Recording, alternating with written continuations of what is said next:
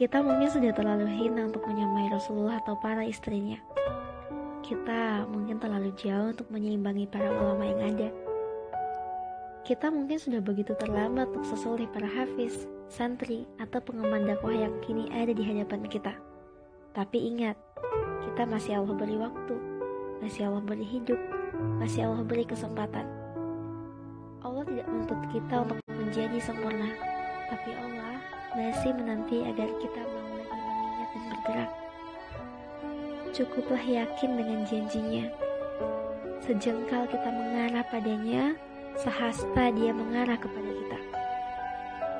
Merangkak kita mengarah kepadanya, berjalan dia mengarah kepada kita. Dengan berjalan kita mendekatinya, maka Allah akan berlari untuk mendekati diri ini yang penuh dosa.